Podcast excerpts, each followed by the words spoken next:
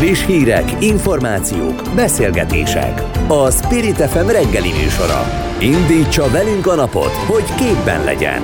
A műsorvezető Rónai Egon. 7 óra 6 perc van egyébként másodpercre, pontosan május 25-e, csütörtök jó reggelt kívánok. Pintér Sándorral egyeztettek a pártok a pedagógusok ügyében, egészen pontosan egy törvénytervezet, meg minden más ügyében próbáltak volna egyeztetni. Leginkább előadást kaptak, de hogy mi történt konkrétan, azt mindjárt megtudjuk. Ezzel kezdjük a ma reggeli aktuált, amely egyébként Nomen est omen, Orbán névnap. Kérem szépen, hogyha az Orbán nevű kedves ismerőseiket ne felejtsék el köszönteni. Na, aztán beszélgetünk majd arról, hogy határozatban mondanák ki az Európai Parlament, hogy Magyarország az Orbán kormány miatt alkalmatlan az Unió soros elnökségére. Azt mondja Varga Judit, hogy egyrészt szó nincsen erről, másrészt ilyen ügyekben a parlamentnek nem osztottak lapot. Mindjárt megtudjuk majd. Az NKL kutatója Petri Bernadett várja a hívásunkat, hogy elmondja, mennyire van igaza egyik vagy másik félnek.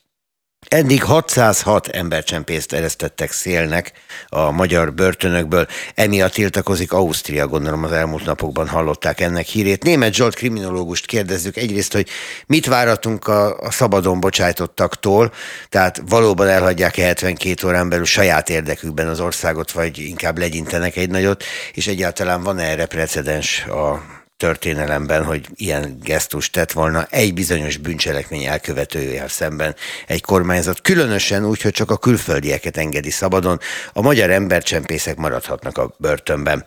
Madár István közgazdász fogjuk hívni, egyrészt mert Matolsi György megszólalt, és azt mondta, hogy minél előbb ki kell vezetni az ársapkákat, másrészt meg azt mondja a kormány, hogy az ársapkák maradnak, közben pedig az Európai Uniótól, az Európai Bizottság éves jelentéséből megtudhattuk az elmúlt napon, hogy Magyarország Magyarország teljesít az egész Európai Unióban gazdaságilag a legrosszabbul, és ráadásul elég rosszak a kilátások is. Gyors beavatkozást kér az Európai Bizottság a magyar kormánytól. Madár István közgazdász fogjuk hívni, és már itt is lesz a 8 óra, de még az odébb van. Ez, amit elmondtam, ez 8-ig lesz itt az aktuálban, most pedig 7 óra, 8 perc van, ha indulniuk kell. Jó, ha tudják. Spirit FM 92.9 a nagyváros hangja. Pintér Sándor az ellenzéki pártok képviselőivel és szakértőivel egyeztetett a pedagógus életpálya törvényről szerdán. A meghívottak másfél óra után ki is vonultak az ülésről, miután Pintér Sándor egyértelmű nemmel válaszolt arra, hogy visszavonnák-e a státusztörvényt.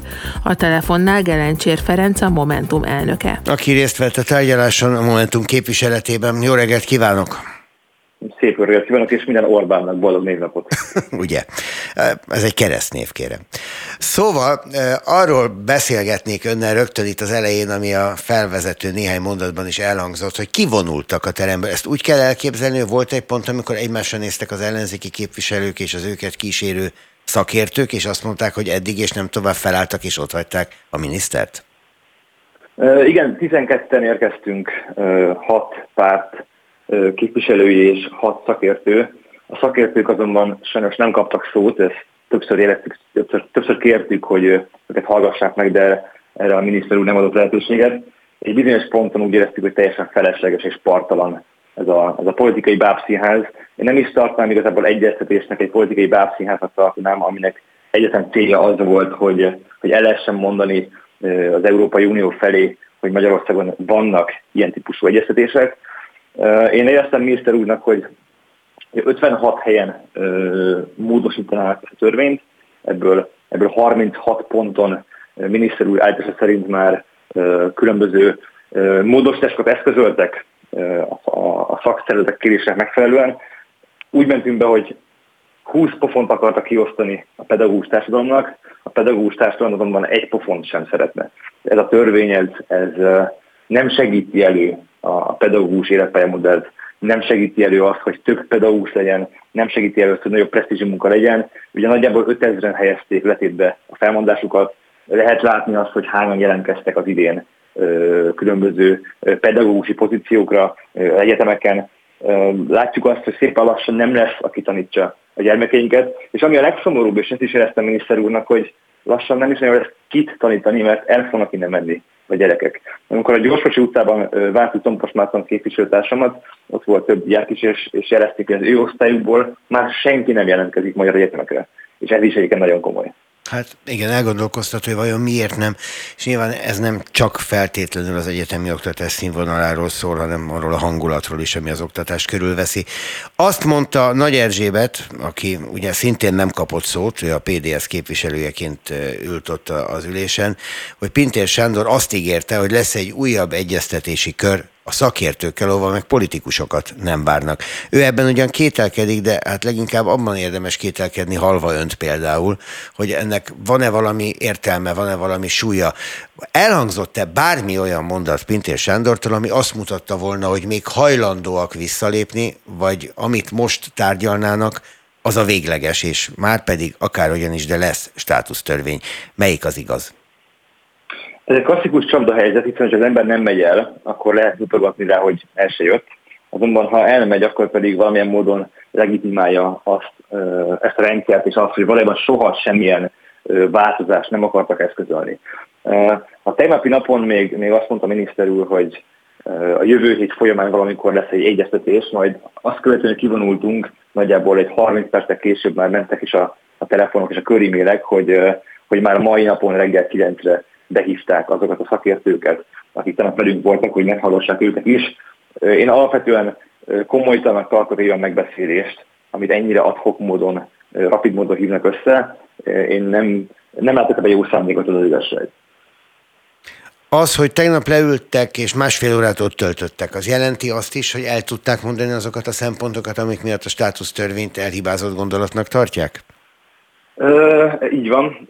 Jeleztük több ponton az, hogy ez egyrészt egy, egy nemzeti hatáskör a pedagógusok bélének emelése, ugye sokszor hagyjuk a kormányzattól, hogy hogy arra várnak, hogy az Európai Uniós források megérkezzenek, és ezt követően majd lehessen évek sorozatán keresztül 2025-ig emelni a pedagógusok bérét. Mi többen jeleztük, hogy ez egy nemzeti hatáskör. Nagyon meglepő az, hogy hogy attól a Brüsszeltől várják a forrásokat a, a pedagógusok bérének növe, növelésére, amely Brüsszelt egyébként minden évben ö, forint milliárdokból ütnek, annyi pénzből, amennyi egyébként elegendő is lehetne akár a pedagógusok bérének emelésére. Nem beszélve arról, hogy ez szerintem egy, egy korábbi ö, kormányzati ígérettel, ami arról szól, hogy ö, hogy a kormány és a parlament nem fog egy oldalon bevezetni a pedagógusok munkaterheit növelő, a meglévő szakmai autonómiát korlátozó, vagy a szakma vonzerét csökkentő szabályokat.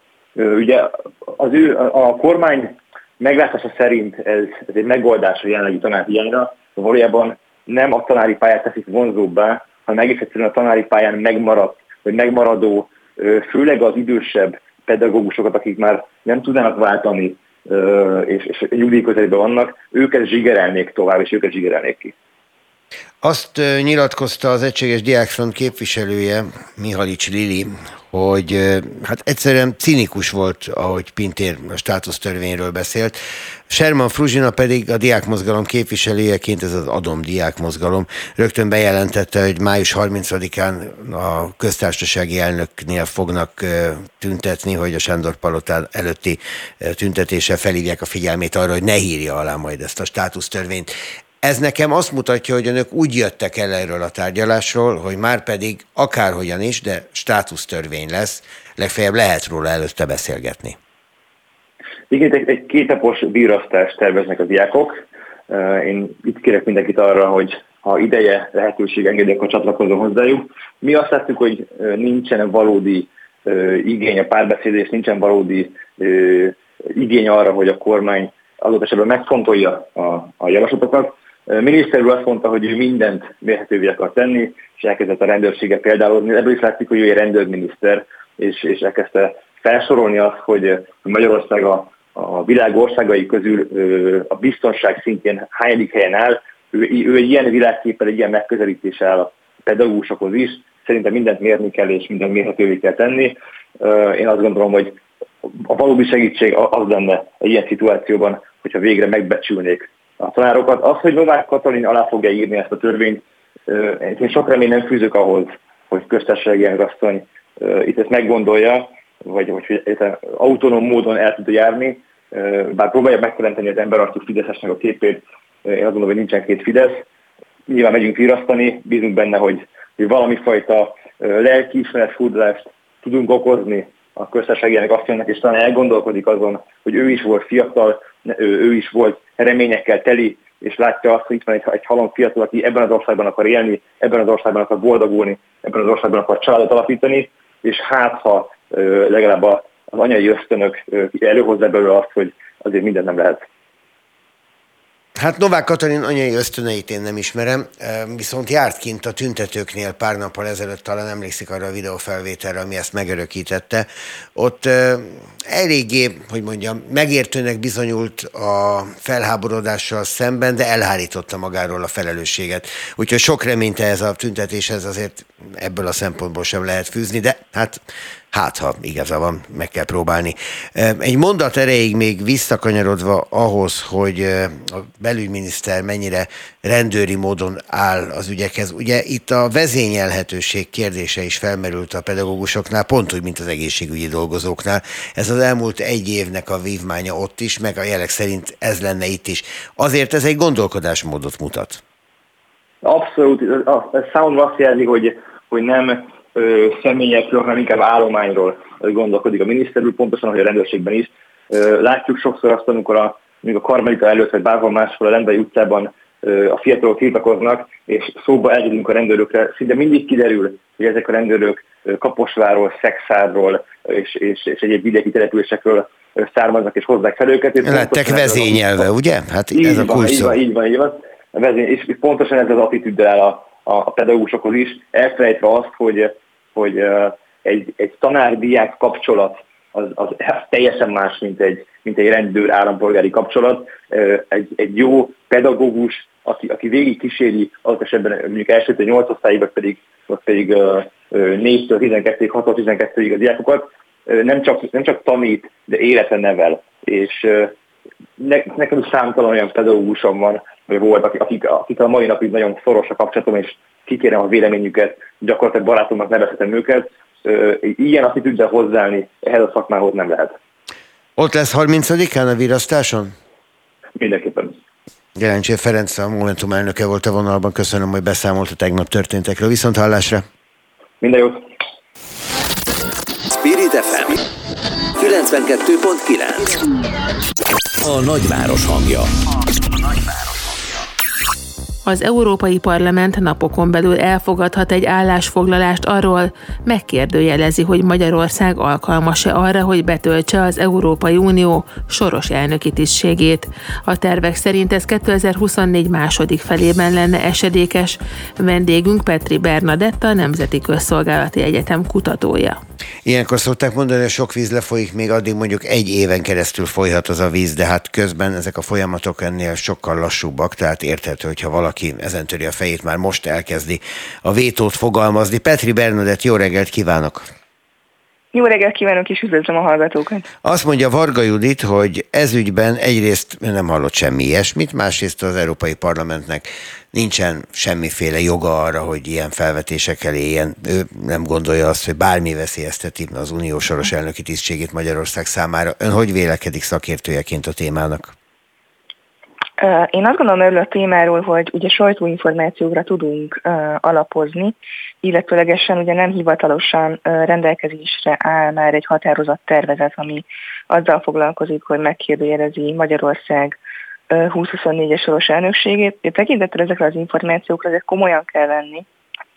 Lehetséges, hogy Varga Judit úgy beszél erről, hogy tényleg nem ismeri, hogy létezik egy ilyen? Azt gondolom, hogy az Európai Parlamentben akkor létezik valami, hogy azt valóban napirendre tűzték és el is fogadták. Tehát addig arról beszélgetni, hogy uh, mi milyen potenciállal bír, az feltételezés. És hogyha abban a feltételezésből indulunk ki, hogy valóban sor kerül egy ilyen határozat elfogadására, méghozzá olyan módon, ahogy jelenleg ez a tervezet ezt valamilyen módon jelzi, akkor abból tudunk kiindulni, hogy ez valóban egy precedens értékű helyzet, mivel azért a múltban nem volt arra soha példa, hogy ö, egy uniós elnökséget megkérdőjelezzen bármilyen intézmény. Az Európai Parlament vonatkozásában azért speciális ez a helyzet, mert a parlamentnek önmagának nincsen hatásköre annak a elnökségi sorrendnek a kialakítására, amit a tanács végez el. Így aztán felmerül a kérdés, hogy milyen alapon próbálna a parlament megfosztani Magyarországot ettől az elnökségi lehetőségtől. Ugye látni kell, hogy itt az az eljárás, hogy a soros elnökségről szóló tanácsi formációkat az Európai Tanács egy minősített többséggel fogadja el, dönti el. Ugye a jelenlegi sorrend az 2030-ig rendezi ezt a sorrendet, azt, hogy egymás után milyen módon követik a tagállamok, és ezzel kapcsolatosan ugye a parlamentnek nincs a hatásköre.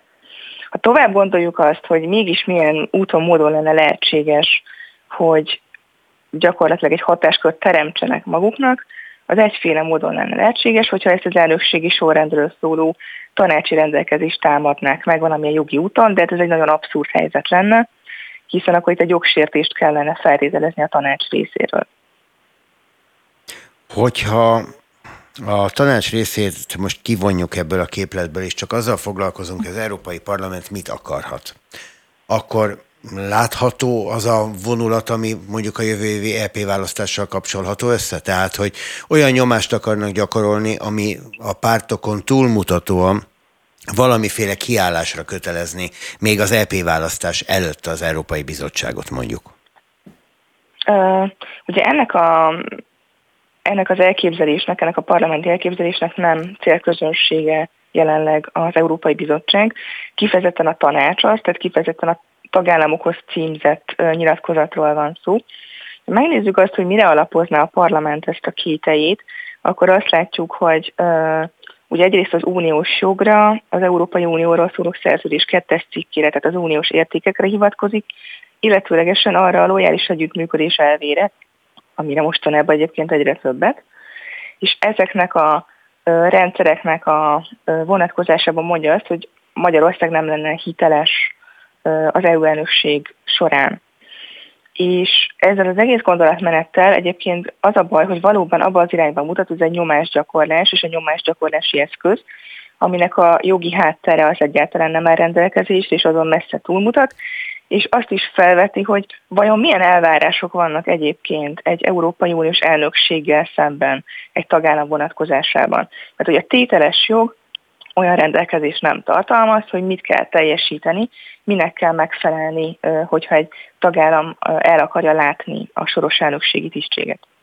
Valami olyasmi rajzolódik ki abból a dokumentumból, amit a szabadeurópa.hu hozott nyilvánosságra, és általuk ismerjük, és tudunk erről beszélni leginkább mi is, amely azt mutatja, hogy az az eljárás, ami most Magyarországgal szemben zajlik, illetve az a vita, jogállamisági vita, ami például a pénzek blokkolása kapcsán napi téma a magyar közvélemény előtt is, mintha ez lenne a kulcskérdés ebben a dologban és ennek a megítélésében. Tehát, hogyha Magyarország megfelel mindennek, a 27 mérföldkőnek, amit az Európai Bizottság előírt, na ebben az esetben méltó arra, hogy jövő második fél évben, jövő év második fél évében ellássa az EU elnökségét. Tehát azért ez így mégiscsak valahogy leírható?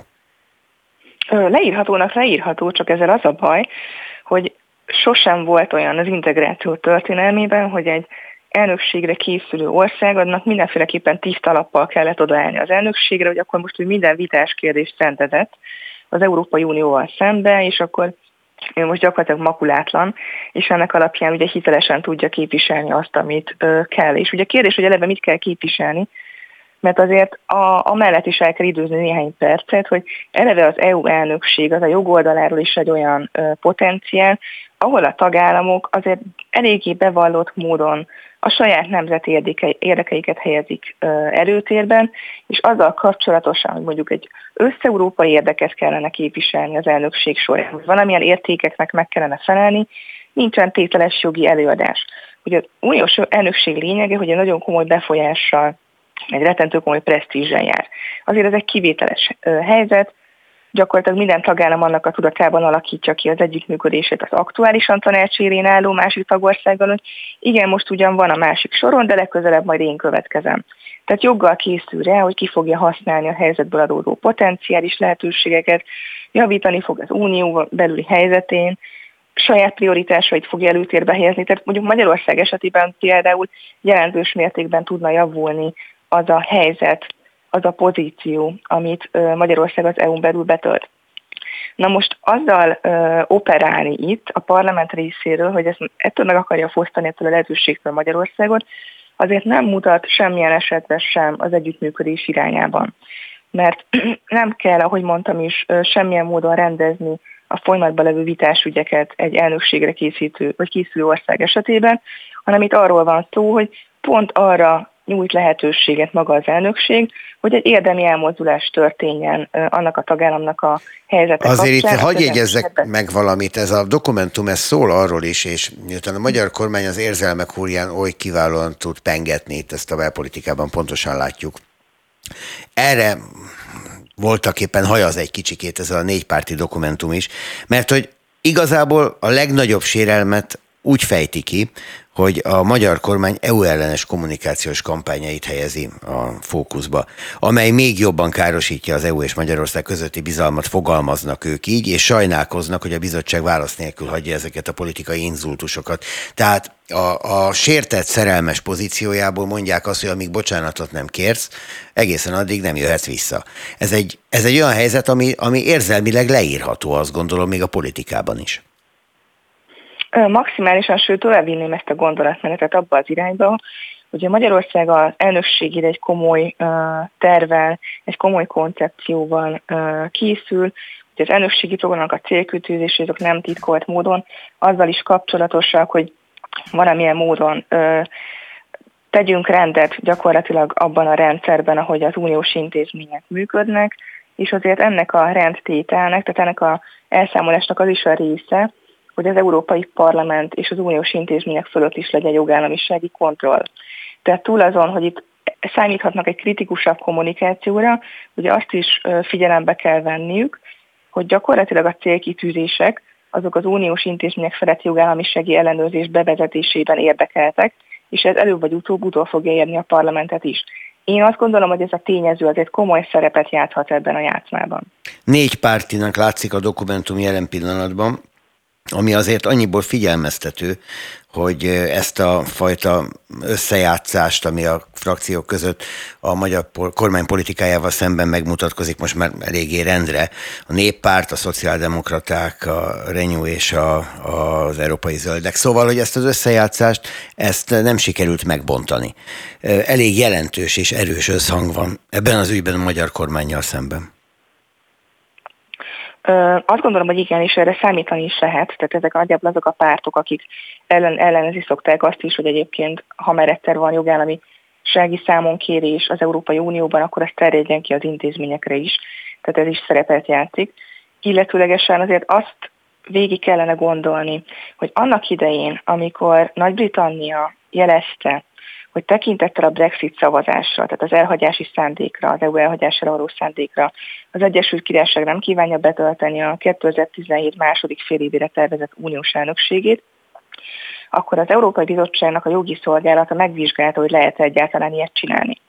Tekintettel arra, hogy egyébként az Európai Unió soros elnökség az nem egy tagállami jog, hanem egy tagállami kötelezettség.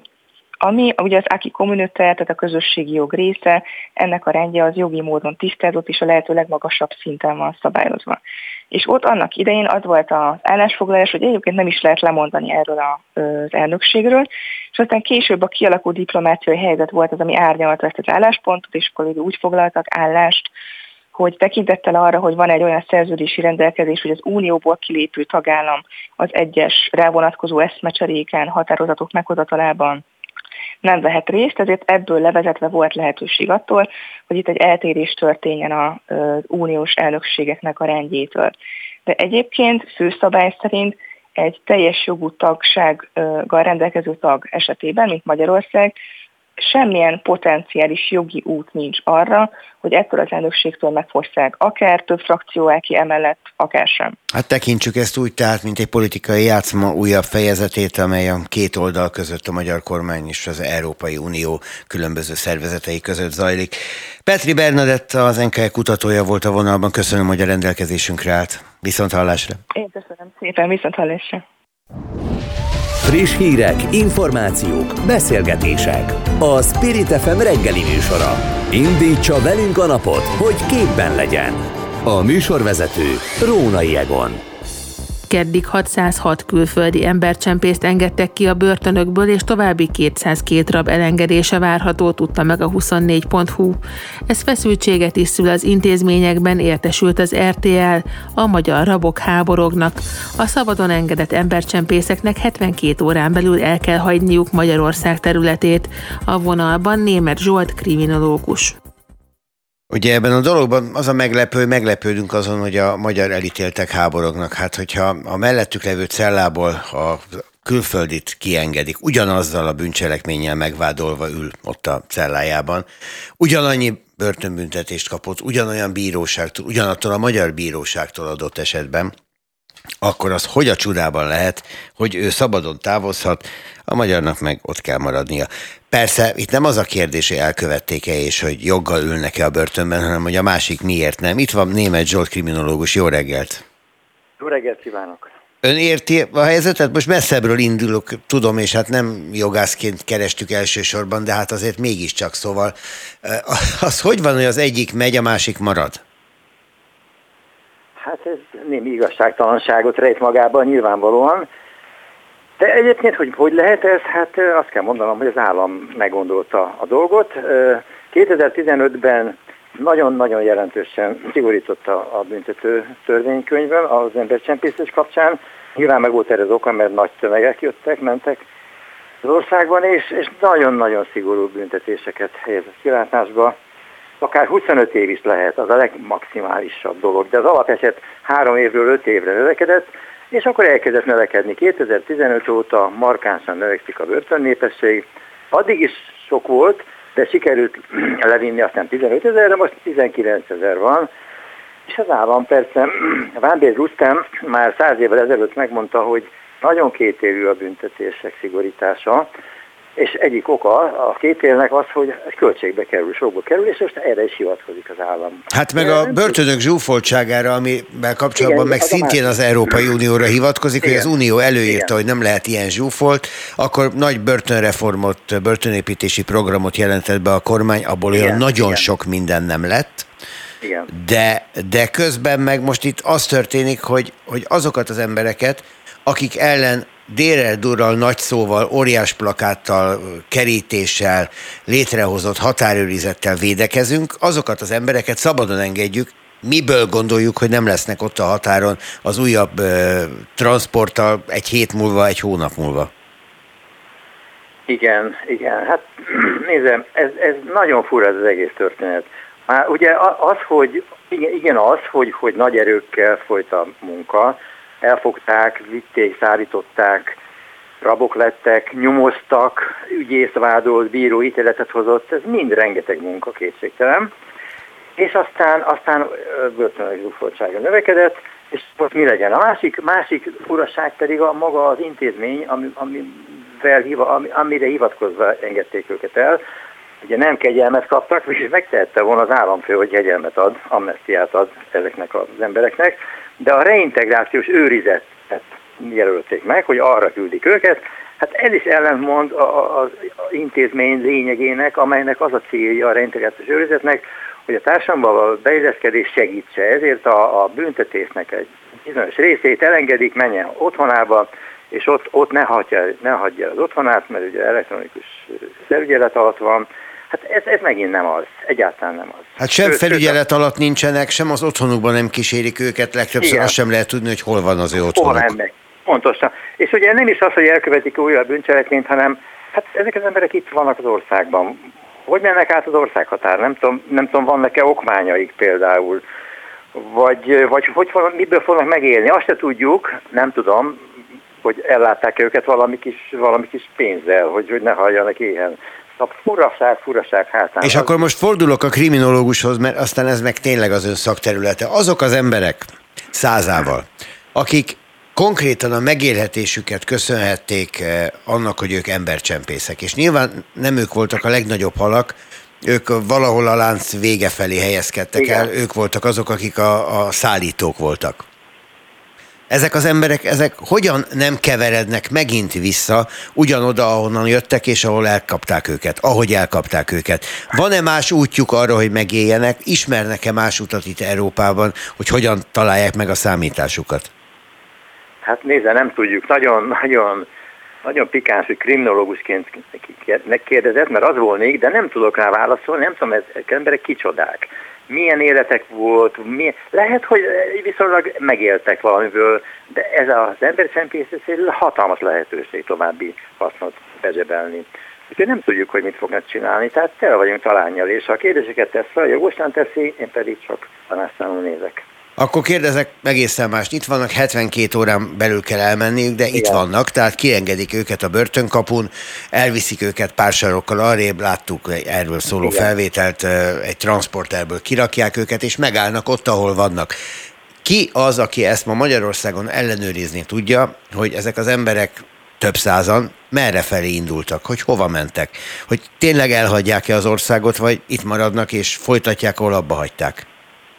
Ahogy nézem a kormány rendeletet, ezt nem is célozza, ugye nem menjenek, menjenek, ki, van azban nekik a parancs, hogy el kell mennünk, és ha nem mennek, akkor visszakerülnek a börtönbe. Hát nem, nincs, nincs erre kapacitás. Van a rendőrség általános munkája, a rendőrjárvők jönnek, mennek, igazoltatnak, gyanús embereket megállítanak, tehát csak így lehet ezt ellenőrizni. Konkrétan az a 600 ember, meg még az a 200, aki el lesz engedve, ez a 800, konkrétan így név szerint nem lesz ellenőrizve. Hát itt a bocsánat, még ezt se tudom, lehet, hogy a határt átlépi, lehet, hogy lesz, lesz némi regisztráció, és akkor azt, azt valahogy összedik, hogy át, Már hogyha egy olyan határon mennek át, mert hogyha egy olyan határon Igen. mennek át, ahol semmiféle ellenőrzés, lásd Schengen, akkor Igen. végül is úgy tűnnek el Európában, hogy a magyar kormány semmilyen kérdésre válaszolni sem fog tudni. Hát igen, igen. Nagyon-nagyon vészhelyzet lehet. Ugye azt hiszem a vészhelyzetre hivatkozott a kormány, hogy úgy rendelkezett kormányrendelettel. Tényleg vészhelyzet van, úgyhogy nyilván az. Úgyhogy sajnáljuk szegény államot, hogy nem tud mit csinálni, csak ezt, ezt, a, ezt a nagyon faramucit és nagyon sok kritikát kiváltó intézkedést hogy az osztrákok tiltakoznak, az nyilván egy, egy politikai, Igen. belpolitikai és külpolitikai helyzet. Ausztriában belpolitikai, nekünk külpolitika. Joggal tiltakoznak egyébként? Tehát az feltételezhető, hogy az embercsempészek a magyar határt nem úgy kerülik meg, ahogy azt a magyar kormány gondolta, hanem jönnek Románián keresztül, sokszor Szlovákián keresztül egészen furcsa útvonalat bejárva? Hát, hogy miért az osztrákok ö, ö, kapták fel a vizet ezért, Hát talán azért, mert a szombathelyi börtön lett ott a tudósítások élén, és hát az ugye ott van az osztrák határnál, tehát nyilván, a, és ha én embercsempész lennék, és megszabadulnék egy 10-20 éves börtönbüntetéstől, akkor ha már, ha már megyek valahova, akkor miért a jobb világ felé induljak el. Ön tehát azt feltételezi, hogy inkább valami mást keresnek valahol máshol, és nem ugyanabba a munkába állnak be, mint ahol elkapták őket. Nézd, ezt, ezt nem lehet megmondani. Az ember, az ember nem akar élni, sőt, nagyon jól akar érni, és ha lehetőség van, akkor még jobban, és hát nem, nem tudni. Nem tudni, hogy a börtön élet, ugye meddig voltak ők börtönbe? Hát lehet két-három-négy éve vannak börtönbe, vagy, vagy egy éve, hogy ez milyen zenyomást keltett nekik. Lehet, ugye a klasszikusan azt képzeljük el, hogy a börtönbüntetés nagyon-nagyon meggondolásra készíti az embereket. A kriminológia ezt nem nagyon hiszi így, hát miért ne higgyen benne? A, a... a jogalkotó gondolhat, amit akar. Igen. Az ön szakmája meg egészen más. Egy utolsó kérdést engedje meg, ez nyilván megint nem kriminológiai kérdés elsősorban. Igen? A magyar fogvatartottak maradtak ott, ahol voltak, a külföldiek meg 880 mehetnek, amerre látnak. A magyar fogvatartottak joggal fordulnak valamilyen jogorvoslatért ennek alapján valahova? Hát nem hiszem. Hát egyenlő bánásmód hatóság már nincsen, bár a feladat az ombudsman ellátná, de nem hiszem. Ez elég, elég mókás lenne, ha ez, ez, ez egyenlő bánásmódot hiányolnák. Ö, és hát egyébként azt mondta a büntetés végrehajtás, persze mi más mondana, hogy a bentlévők, a bűntársak, akik magyarok, azok, azok nem lázadoznak és szomásra veszik a helyzetet. Én lennék a BB szervezet, én is ezt mondanám. Na, voltak éppen szinte örülnek a magyarok, hogy ők maradhatnak. Nyilván ez így van. Nem hát tudom. köszönöm önnek. Német Zsolt kriminológus volt a vendégünk így telefonon keresztül. Viszont hallásra kellemes viszont napot. Hallásra, viszont. Spirit FM 92.9 A nagyváros hangja. A nagyváros. Hosszú idő után csökkentette az irányadó kamatot kedden a Magyar Nemzeti Bank monetáris tanácsa. Matolcsi György sajtótájékoztatón azt mondta, az első számú közellenség az infláció, melyet csak közösen győzhet le a kormány és a jegybank. Vendégünk Madár István közgazdász, a Portfolio.hu vezető elemzője. Jó reggelt kívánok! Jó reggelt kívánok! Messzebbről indítanék, aztán eljutunk majd nyilvánvalóan Matolcsi Györgyig és az ő mondataig. Megjelent az Európai Bizottság minden évi értékelésének idei fejezete. Ugye a tagállami kormányok által benyújtott nemzeti reformterveket, meg a stabilitási és konvergencia programokat, az országok gazdaságpolitikáit és az országok kilátásait elemzi ilyenkor az Európai Bizottság, és hát ez a jelentés, ez Magyarországra nézve finoman szólva is kellemetlen megállapításokat tartalmaz, miközben leszögezi, hogy az európai gazdaság az összes kihívás ellenére kiváló formában van. Van infláció, de a számok lefelé mutatnak. És akkor leírja, hogy a magyar gazdaság milyen állapotban van. Nem tudom, te ezt olvastad-e? Igen, igen. Meglepődtem volna, ha nem. Azt mondja, hogy nagyon nincs jó állapotban, egyensúlyhiány van, költségvetési hiány van, ráadásul ebben nem vagyunk egyedül, de a mi költségvetési hiányunk kiugróan magas, nem jutnak hozzá a forrásokhoz, nem ok nélkül, ennek politikai okai vannak, ezt mindannyian ismerjük, és így tovább, és így tovább. És többek között azt követel, amit Matolcsi György a hatósági ár- és kamatplafonok fokozatos megszüntetését és kivezetését a rendszerből. Hát eljutottunk akkor Matolcsiig is. Mit gondolsz az uniós jelentésről? Hát alapvetően egy elég kritikus jelentés, de ugye olyan szempontból realista, hogy azt nagyon régóta mondjuk mi is, hogy itt az egész Európát érte az elmúlt másfél évben három-négy nagyon jelentős sok hatás. Az energetikától az óriási költségvetési kiköltekezésekig, a hatalmas kamatcsökkentésekig, aztán utána az óriási kamatemelésekig, és mindenből Magyarország extrém sokat kapott, vagy extrém sokat tett azért, hogy, hogy, hogy nehézségei támadjanak, és ugye ebből követ következően érthető, hogy nálunk az egyik legalacsonyabb a növekedés az Európai Unióban, messze legmagasabb az infláció, a költségvetéssel szemmellátom, szemlátomást komoly problémák vannak, tehát tulajdonképpen ezek a, ezek a látleletek, ezek teljesen helytállóak a bizottságtól, egyébként nagyon szép szakmailag színvonalas anyag volt, amit lehetett a bizottság az asztalra. Vannak egyébként hozzá különböző további háttéranyagok, amelyek, amelyek modellszerűen is mutogatják azt, hogy mi a helyzet a magyar gazdasággal. Nem arról van szó, hogy egy tragédia lenne, de egyértelműen a magyar gazdaság az egyik legrosszabb bőrben levő európai gazdaság. Ahogy említette te is, az, az látszik, hogy Európa egész egyébként nincsen nagyon-nagyon-nagyon rossz bőrben, tehát ehhez képest rossz a magyar is, tehát nem arról van szó, hogy itt egy óriási csődveszély vagy, vagy valami hatalmas krízis dübörögne, de szenvedős évünk van, amiben nagyon sok problémát kell megoldani a gazdaságpolitikának, részben azért, mert a megelőző időszakban nem lépett helyeseket. És azért az Európai Bizottság az csak leírja, hogy azonnali lépésekre kényszerül a magyar kormány. Én nem gondolom, hogy a magyar kormány hiába szakembereknek. Hát Varga Mihályra azt szokták mondani, hogy ő például egy kiváló szakember. Én meg ezt nem tudom megítélni, de elhiszem.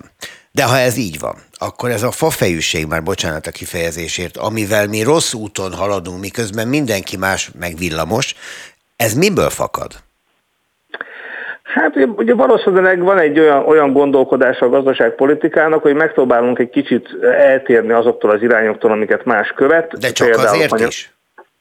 Igen, hát például kanyarban előzünk, ugye, amiből egy satufék lett, ezt láttuk. Tehát ugye, hogy, hogy van egy olyan gondolkodása a, a, a kormánynak, hogy, hogy megpróbál valamit máshogy csinálni, mert akkor azzal biztos, ha jobban csináljuk, mint mások, akkor azzal, egy, akkor azzal tudunk előnyre szertenni a többiekhez képest. Ez azért általában nem szokott sikerülni, inkább egy ilyen hangos bozócsörgetés van belőle, amiben nem, nem, nem látszanak a, a, ennek a különutasságnak az előnyei, és most az elmúlt másfél évben inkább egyértelműen a hátrányai látszottak, elmondtak. A magyar kormány továbbra is a fiskális alkoholizmus nevű jelenségben szenved, vagyis hogy nagyon szeret túlköltekezni, nem nagyon hajlandó fölismerni azt, hogy ez, ennek a túlköltekezésnek vége. Ugyan próbál igazítani a költségvetésen, de e, látható, hogy az idei évben is csúszunk le arról a pályáról, amit a kormány célul kitűzött. E, most hozunk egy 2020 három elején egy 2024-es költségvetést úgy, hogy a 23-asnak a teljesüléséről sem vagyunk meggyőződve. Ugye tegnap este a költségvetési tanács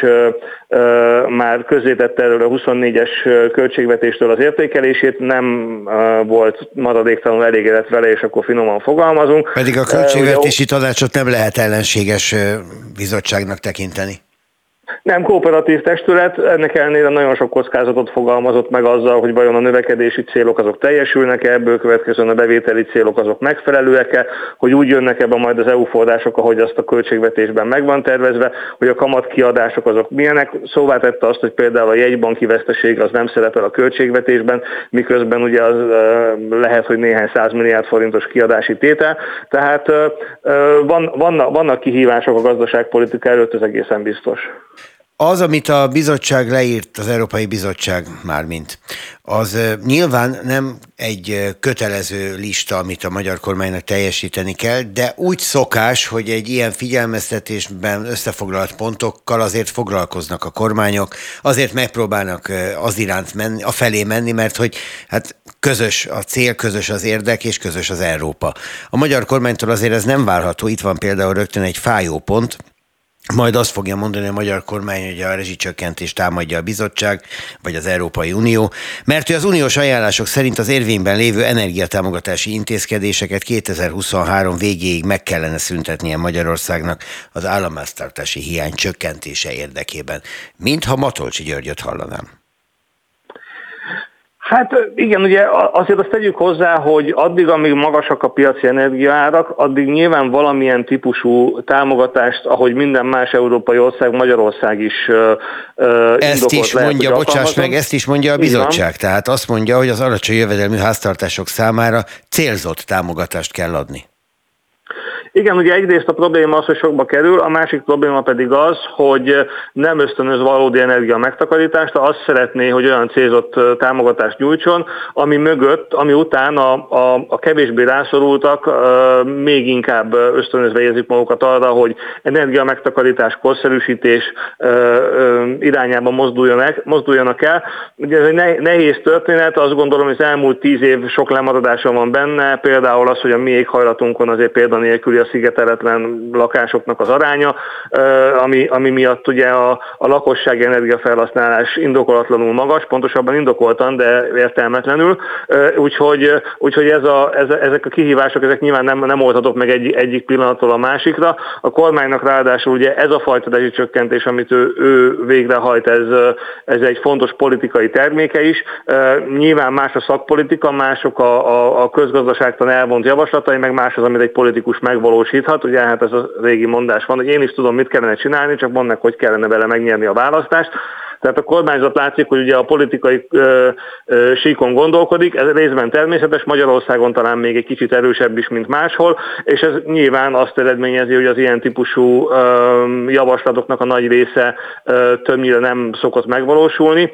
Ö, hozzáteszem, hogy ezen túlmenően is, hogy pontosan milyen módon támogassuk a, a, az energetikai ö, ö, problémák közepette a, a háztartásokat, ezen kívül is van nagyon sok más ö, ö, probléma a költségvetés, költségvetésben, amelyek ugyanúgy nyomják, szorítják a, a, a költségvetési kereteket. Eh, ahogy mondtam, az idei évi költségvetési hiány teljesülését is azért egyre nagyobb eh, eh kövezik, és ennek fényében ugye eh, a 2024-es éves költségvetésnek pedig aztán még inkább eh, eh, nagy kiigazítással kell járnia, hiszen eleve, ha a 23-as teljesül, akkor is azt gondoljuk, hogy a 24-esben bizony abban vannak, vannak aknák, és ugye az egyik az látszott is már, hogy ahogy azt sejteni is lehetett már, és már megágyazott rá a kormányzat, ugye az Európai Uniónak megígért 2024-es extra profitadó kivezetések azok nem nagyon valósulnak meg. Egyik másiknak a mértéke csökken, de összességében több mint a fele fennmarad jövőre is, de még abban sem vagyunk biztosak, hogy nem lesz ennél végül nagyobb a, a, a fönnmaradó rész. Ez egyben, egyben segíti már azért a költségvetést valamennyire az egyensúlyi pálya irányába, de nyilván a másik oldalon oldalon a, a, ezek az átháruló adók, ezek természetesen továbbra is nyomják akár a lakosság terheit is. Ma reggel jelent meg az Indexen Nagy Márton gazdasági miniszter véleménycikke, és ennek kapcsán kérdeznék tőled valamit, ami Hát nekem egy kicsit illogikus, de lehet, hogy majd azt mondod, hogy nincs igazam. Azt írja, hogy tudomásul kell vennünk, hogy a globalizáció nélkülünk is tovább zajlik, ezért céljainkkal messze menőkig ellentétes lenne kiírni magunkat ebből a folyamatból. Na most, itt van egy a globalizációt elítélő politikai áramlat, ez a kormányzás maga. És ezek szerint van egy gazdasági, ami a globalizációt megkedveli, ez a kettő együtt működhet? Én azt nem gondolom, hogy a kormányzat egyébként a globalizációt elítélni. Nyilván vannak időnként olyan hangok, retorikák, amelyek, amelyek bizonyos világgazdasági folyamatokat ö, ö, bírálnak, de ugyanakkor Hát és politikaiakat, amik ezzel összefüggnek, igen, igen, igen. Az igen, de az egyik, egyik oldalon az, a kormánynak sok az, ami az Európai Uniós integrációt jelenti, egy ilyen szoros együttműködésnek érezhetően egy kényszer, egy békjó. A másik oldalon viszont gazdasági együttműködés tekintetében meg szívesen nyitna a kormányzat olyan, olyan területek felé, ahol nagyon gyors gazdasági növekedéssel egy új gazdasági erőközpont képződik most már évtizedek óta, és ezt, ezt nagyon határozottan képviselte eddig is szerintem, én nem érzek ilyen ellentmondást. Az más kérdés, hogy nyilván bizonyára ezt nem mi csináljuk egyedül, talán mi csörgetjük legjobban a, a, hozzá a, a kolompot, de, de nincsen, nincsen igazából ebben, ebben olyan, olyan nagy ellentmondás. Szerintem egyszerűen a kormányzat próbál minél jobb kapcsolatokat kiépíteni Kelet-Ázsiával, ázsiai térségekkel, ami, aminek, aminek nyilván, nyilván az egyik feszültségpontja például az, hogy, a, hogy az Európai Unió ezen közben és az Egyesült Államok is azért próbál a kínai dominancia vagy kínai térnyerés fékező eszközöket időnként bevetni. Ugye most például az Európai Unió időnként földobja azt, hogy, hogy akár protekcionista intézkedésekkel is meg kell állítani a kínai termékeknek a térnyerését. Nyilván ez egy olyan országnak, amelyik meg kifejezetten szeretne jóba lenni a dél-kelet-ázsiai térséggel, vagy a kelet-ázsiaival, az természetesen ilyenkor hangosan kiáll a, a, a, a magyarnak hirdetett érdekek és a kínai érdekek mellett. Ez ugye már egy ideje tart ez a, ez a folyamat, ez, ez a mai cikk, ez szerintem ennek csak egy lenyomata ennek a, mostan, ennek a mostani helyzetnek. Madár István közgazdászt hallották a Corvinus Docensét, a Portfolio.hu vezető elemzőit. István, köszönöm szépen. Köszönöm én is. Műsorajánló. Katona dolog. Bevetés, kiképzés, toborzás, önkéntes szolgálat, földön, vízen vagy levegőben. Minden, ami a Magyar Honvédség életében fontos. Katona dolog. A Spirit fm. Műsorajánlót hallottak.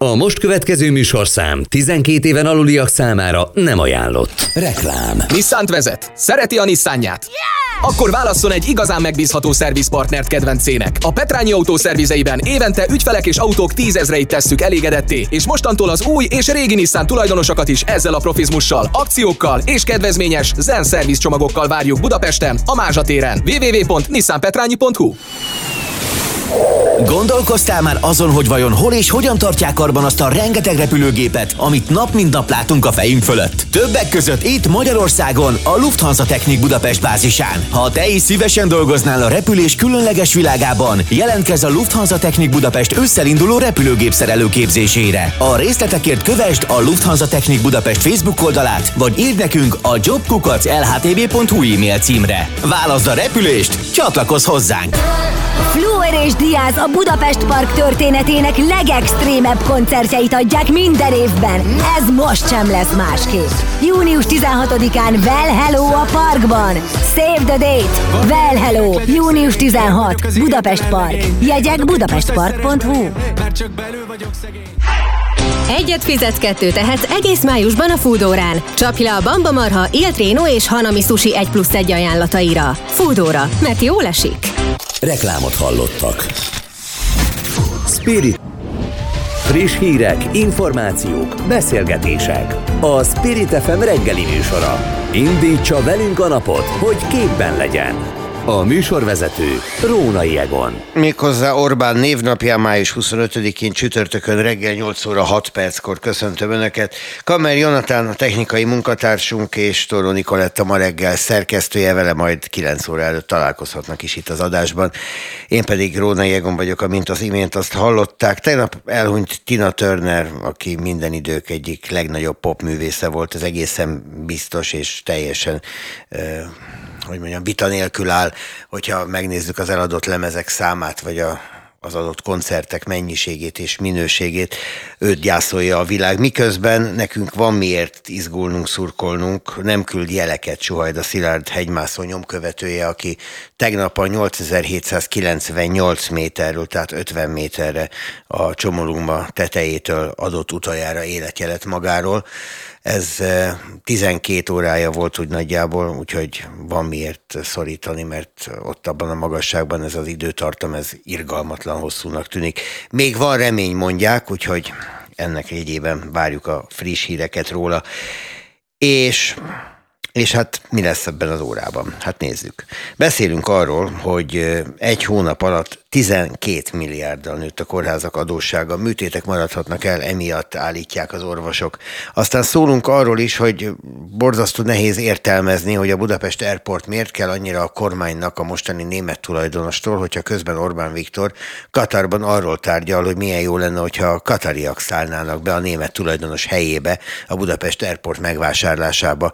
Hát ezt azért így első hallásra nehéz érteni, majd megpróbálunk a végére járni. Beszélünk arról, hogy az háborús az nélkül. Tehát, hogy a háborús álhírekkel a jelek szerint a kormányzati média egészen kiváló viszonyt ápol, viszont Emlékeznek, oltás ellenes dezinformációk ügyében még különböző bűncselekmények megállapítását is követelték akkoriban, amikor a mindenféle álhírek megjelentek. Kreko Péter szociálpszichológust fogom erről faggatni. És a Magyar Jégkorong válogatottról is beszéljünk már pár mondatot itt a vége felé. Lehet, hogy nagyon sokak szeme előtt nincs ott a napi jégkorong események sora, de a Magyar Jégkorong válogatott egy olyan utat járt be az elmúlt néhány évtizedben, ami egészen példátlan. Egy stabil C-csoportos pofozógépből lett az elitkör újra és újra feltűnő tagja. Na, most nem sikerült bemaradni, hogy miért volt ez így, erről majd Máté Pált, a sporták szakértőjét, a Sport TV főszerkesztőjét fogom faggatni. Hát ez lesz, és kezdjünk is bele. Spirit FM 92.9 A nagyváros hangja. A nagyváros. Egy hónap alatt 12 milliárddal nőtt a kórházak adóssága, derült ki a Magyar Államkincstár adataiból. Így áprilisra 58 milliárd forintra nőtt a kifizetetlen számlák végösszege. Emiatt a kórházi beszállítók válságtanácskozást hívtak össze. Ha a kormány nem foglalkozik a problémával, a betegek még kiszolgáltatottabbá válhatnak. A telefonnál Ráski László az Orvostechnikai Szövetség főtitkára. Jó reggelt kívánok! Jó reggelt kívánok, köszöntöm a hallgatókat. Ugye azért nő az adósság, mert nincs elég finanszírozás. Muszáj vásárolni, muszáj gyógyszert venni, muszáj eszközöket venni, muszáj javítatni, csak hát nincs miből aztán kifizetni. Ez így van. Gyakorlatilag annyit tennék hozzá az elhangzottakhoz, hogy a, ugye a négy orvos egyetem 2021 nyara óta nem tartozik az államháztartás alá, de azért a finanszírozást az állam biztosítja. Na az ő adósságokkal együtt április végére 70 milliárd forintra nőtt az adósság, tehát gyakorlatilag az intézményrendszer négy hónap alatt 60 milliárd adósságot hozott össze. Ez annyi, mint a korábbi években a teljes éves, hát nevezük ezt teljesítménynek. Ezt úgy lehet tekinteni, hogy ezt az államháztartást megtakarítja a kórházakon, tehát nem adja oda, hanem valami másra költi, és aztán fel tudja mutatni, hogy ennyi van a kasszában. Csak azzal nem számol, hogy közben ott meg van egy mínusz 60-70 milliárd. Ez így van, és hát ugye mondhatnánk azt, hogy, hogy, hogy ügyes, mondaná Kombácsi, hogy 11 hónapig nem fizetek, majd a 11. hónap végén úgy immelámmal és többnyire késedelmi kamatok nélkül kifizettem a a, követeléseit. Tehát azért ez az üzleti modell, ez, hogy is mondjam, csak nem a leghatékonyabb arra, hogy a magyar egészségügy működjön. Meg ezt ismerjük a vállalkozói világból, tehát ezt hívják gazemberségnek, amikor egy darabig nem fizet, aztán a végén a, a megrendelő már beéri kevesebben is, csak valamit kapjon. Én ilyet nem mondanék a kormányunkra. Azt én sem, hát nem mondtam ilyet, csak meséltem valamit. Viszont az mennyire gyakorlat, hogy alkuzni kezdenek a végén a számlák kapcsán? Tehát, hogy van ez a 60 milliárd, most hogyha úgy tekintjük, hogy ez egy darab számla lenne, akkor ért be 40-nel, azt most oda tudom adni, a 20-ról meg mondj le. Az intézmények nem csinálnak ilyet, az intézmények általában a késedelmi kamat követelésről próbálják lebeszélni a cégeket, ami nyilván ebben a kamat környezetben egyébként szintén nem kevés pénz. Az alkudozást azt az állam szokta gyakorolni, hát hogy szokta, több alkalommal előfordult mondjuk így az előző 20 évben, legutóbb ugye 2020-ban volt egy olyan ötlete valami, valamelyik hát zseniális ötletadónak a kormányzatban, hogy próbálják meg a nagy adósoknál elérni, hogy a követelésük 20%-áról lemondjanak, nem mondtak le róla, úgyhogy ezt nem ajánlanám a kormánynak. Meg, meg különben is mondtuk, hogy az a vállalkozói világban is gazemberségnek tűnik. Na, akkor nézzük, hogy hogyan lehet ebből kijönni, illetve nézzük azt, hogy mit okoz ez a hiány. Egyébként alapvetően miféle számlák azok, amik ennyire megterhelik a kórházak költségvetését? Miből áll össze ez a rengeteg pénz? Korábban el lehetett mondani, hogy, hogy minimum az adósság fele az pont felénk, tehát az orvostechnikai beszállítók felé áll fenn, a másik fele az gyógyszeresek felé nem nagyon, de különböző szolgáltatásokat végző cégek jutottak a másik 50%-ba. Most annyiban más a helyzet, hogy bejött ugye a rezsinövekedés miatt az, hogy a rezsiszámlákkal is tartoznak a, az intézmények, az pedig egyébként azért nem jó nyilvánvalóan, mert a közműszolgáltatók hát bizonyos értelemben erőfölényben vannak, tehát ha ők lekapcsolják a szolgáltatást, akkor nem nagyon lehet gyógyítani. Mi ezt orvostechnikai szállítók nem szoktuk. A vég, végső módszer az szokott lenni bizonyos cégeknél, hogy mondjuk azt mondják, hogy kiviszem az eszközt, de azt fizes készpénzben, illetve hát vannak egyéb gazdasági eszközök, például a követelésértékesítés pénzügyi cégek felé, tehát vannak azért arra vonatkozó eszközök, hogy a, a cégek nyomást gyakoroljanak az intézményekre, de ha az intézményeknek nincs pénzük, és a, a kormány nem ad, már pedig ugye állami finanszírozás van, tehát ezt a pénzt a kormány adja oda, akkor nem nagyon tudnak mit tenni a kórházak. Hogy lehet ezt nagyjából kalkulálni, hogyha valaki ma beszállítója egy kórháznak, akkor hány hónapot kell várnia arra, hogy a pénzéhez jusson? Változó a helyzet, de azért nem túlzás azt mondani, hogy, hogy egyre inkább az a jellemző, hogy 10-11 hónapig nem kapnak pénzt. Ebben az elmúlt négy hónapban, most már ötben, ugye mindjárt május végén vagyunk, nem egy cég arról számol be, hogy gyakorlatilag egy fillért sem kapott azoktól az intézményektől, amelyeknek szállít. Na de ez nagyjából azt is jelenti akkor, hogy a kis cégek reménytelen helyzetbe kerülnek, vagy nem szállítanak a magyar egészségügynek, és akkor miből élnek, vagy szállítanak, és akkor miből élnek? Pontosan, ez leginkább a, nyilván mindenkire rendkívül negatív hatással van, de azoknak a forráshiányos, tőkehiányos Magyarország kis és közepes vállalkozásoknak a legrosszabb, amelyekkel kapcsolatban a kormány mindig elmondja, hogy kormányzati cél ezek támogatása. A másik, hogy, hogy ezeknek a cégeknek, vagy úgy tudnak megmaradni a piacon, úgy tudnak egyáltalán a közbeszerzési tendereken indulni, hogy nullás adóigazolásuk van, tehát nincs adótartozásuk. Tehát a be nem folyó állami pénzekből kell fizetniük az államnak, mert ha nem fizetnek, akkor ki is esnek abból a körből, hogy egyáltalán ebben az üzleti szegmensben megmaradhassanak. Érdemes ebben az üzleti szegmensben megmaradni? Most ezt úgy kérdezem, mint hogyha nem érteném, hogy valaki ezzel foglalkozik, ehhez ért, tehát ebben szeretne megnyilvánulni. Tehát a kérdésem igazából úgy szól, hogy van-e értelme itt erősködni, miközben évről évre ez megy? Ugye ez, ez azzal indult, hogy a, meg minden állammal folytatott üzleti kapcsolat arra épül, egyébként minden üzleti kapcsolat arra épül, hogy, hogy a másik az, hogyha én szolgáltatást végzek, vagy árut szállítok, az ki fogja fizetni. Ugye van az a mondás is, hogy az állam jó adós, mert a végén fizet. Igen, ez sok, sok minden megborul a mai Magyarországon. Gyakorlatilag több mint, most már elmondhatod, hogy 15 éve megborult ez a bizalmi viszony, tehát az állam nem, nem jó adósa az egészségügyi beszállítóknak, de hát ahogy ön is mondja, most azt mondanák önnek, hogy holnaptól ne a médiával foglalkozzon, hanem kezdjen másik szakmába, hát ön se örülne. És nyilvánvalóan mi abban bízunk, hogy azért ez a bizalmi viszony egyszer csak helyreáll, hiszen ahogy látjuk mondjuk a nemzetközi gyakorlatban, például a, itt a környező országokban, illetve az európai országokban, hogy nem csak nálunk van ez az adóssághelyzet, többnyire a dél-európai államok küzdenek ezzel, illetve a volt szocialista blokk, de azért a kormányok mindenhol tesznek arra intézkedést, hogy, hogy ez a helyzet enyhüljön, és hogy erre végeredményben megoldást találjanak. Ha nem is szüntetik meg teljesen az adósságot, de az adósság mértékét és a kere, csökkentik, és a keletkezés okai közül többet megszüntet. Pár évvel ezelőtt volt egy olyan pillanat, amikor úgy nézett ki, hogy a kormány kifizeti az összes kórházi adósságot, azt mondja, hogy tiszta lappal indulunk, még kancellárok kinevezéséről is szó volt, pont azért, hogy ne legyenek újabb adósságok. A jelek szerint nem sikerült e fölött úrrá lenni, mert nincs finanszírozás? Ön úgy látja azért? Az alapvető ok az egy, az egy prekoncepció, aminek van némi valóság alapja, mert a politika azt gondolja, hogy ezek a nagy ellátórendszerek, mint például az egészségügy, ezek korlátlanul elbírják nyelni az állami forrásokat.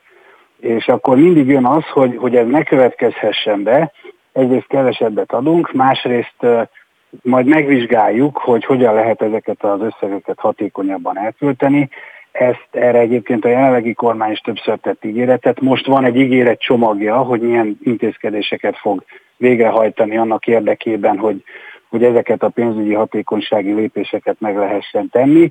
De aztán, amikor odaérünk, hogy, hogy ebből, ezekből a felmérésekből, ezekből az elemzésekből ugye többnyire az jön ki, hogy forrást kell bővíteni, akkor mindig megakad valahol a folyamat. Hát mert nincs forrás. Nézze, én finoman, finoman azt szoktam mondani, hogy pénz arra van, amire a kormány akarja, hogy legyen. Úgy tűnik, hogy ez nem annyira prioritás. Hát az egészségügyben ezt szokták mondani, meg a oktatásügyben tudja. És még nyilván van néhány olyan ágazat, ahol szintén ugyanez a mondás érvényes, eléggé fájó mondás. Viszont, ha Önök nem szállítanak, illetve hogyha a kórházak nem kapnak finanszírozást, akkor előbb-utóbb az ellátás maga veszít a minőségéből, ami egyébként is eléggé kérdéses sok esetben. Hogyan lesz ez hosszabb távon? Nézze, amíg a, amíg a társadalom erre nem reagál érdemben, mondhatnám finoman fogalmazva, hogy amíg nincs politikai következménye az egészségügyi ellátórendszer romlásának, addig a kormány nem nagyon fog közbelépni. De ez mindenhol így van a világon, nem csak, nem csak nálunk. Az, hogy, az, hogy kiírjuk a, mondjuk a Facebookra, hogy hogy nem láttak el, vagy rosszul láttak el, vagy, nem, vagy később kaptam időpontot, vagy most ugye végig szaladt a sajton több esetben, hogy nem jön ki a mentő, de ennek nincsen látható hatása mondjuk egy kormányzat működésére, addig nagyon, nagyon nehéz lépni, mert nyilván egy politikai tömb az csak akkor lép, hogyha ha arra a társadalom kényszeríti.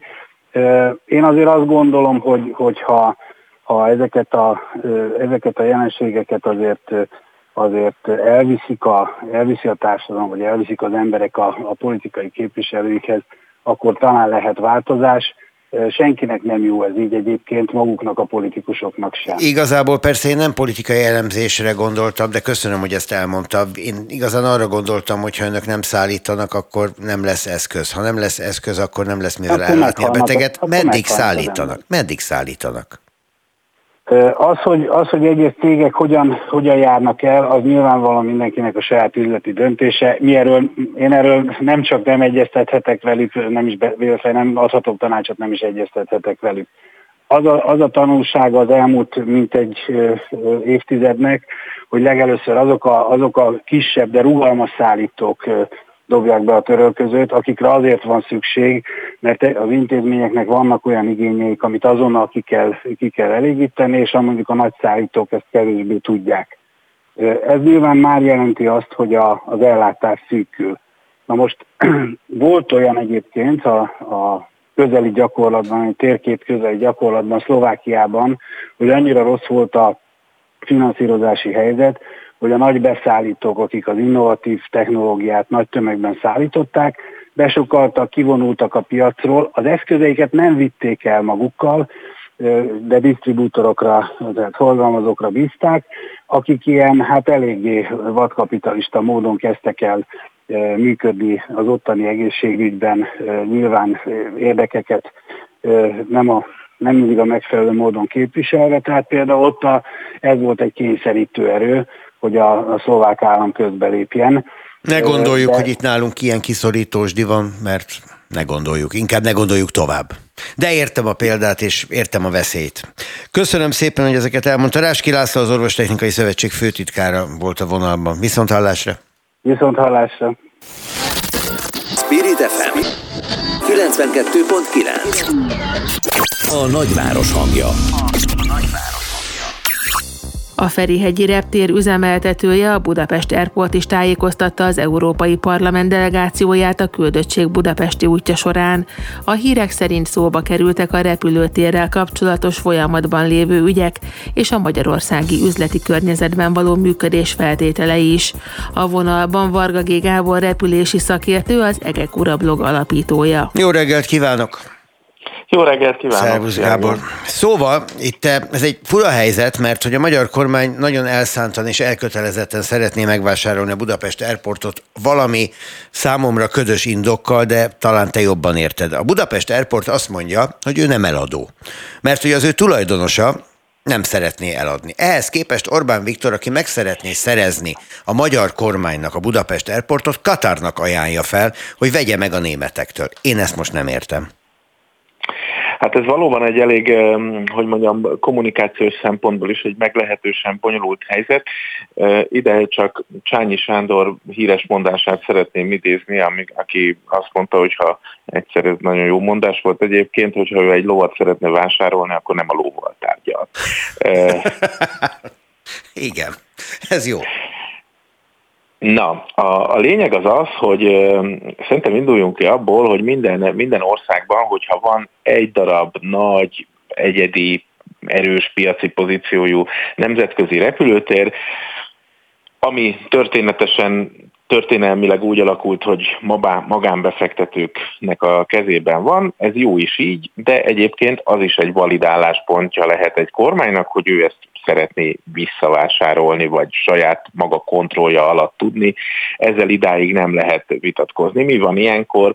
A kérdés az az, hogy meg tud-e állapodni a tulajdonossal, illetve elő tudja-e teremteni azt a meglehetősen nagymértékű, tehát milliárd euró nagyságrendű forrást, ami ehhez szükséges.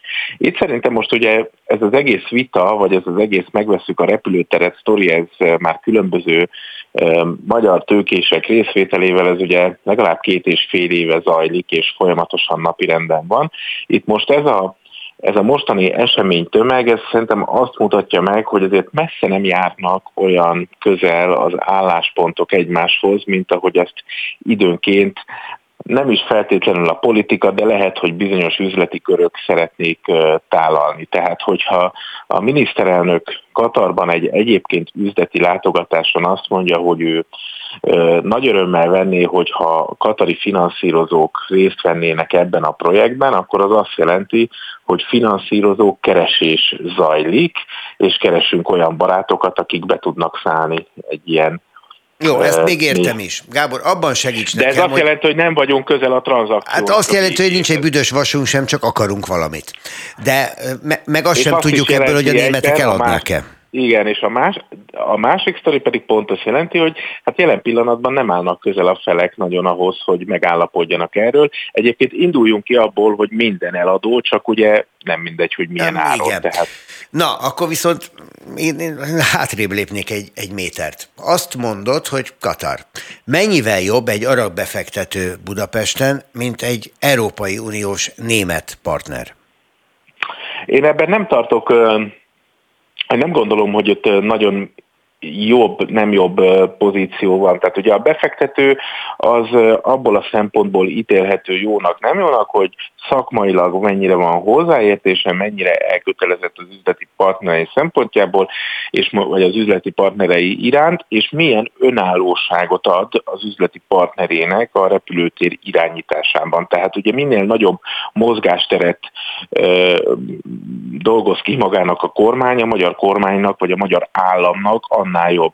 Én azt gondolom, hogy ilyen szempontból teljesen mindegy, hogy most arab befektetőről, kínai befektetőről, vagy Európai Uniós befektetőről beszélünk. Valaki jöjjön, aki úgy gondolja, ahogy én akarom, hogy gondolja. Igen, uh-huh. és valaki jöjjön, aki egyébként adott esetben előrébb teszi a prioritásban azt, hogy én hogy gondolom, mint sem a rövid és középtávú üzleti érdekeket és a professzionális szemléletet adott esetben. És akkor egy újabb kérdés, szerintem ezt sem sokan értjük. Mitől annyira fontos, hogy ki irányítja a Budapest Airportot, lánykori nevén Ferihegyet? Tehát az egy repülőtér, egy üzleti vállalkozás, jönnek, mennek a gépek, az utasok, a szállítmányok.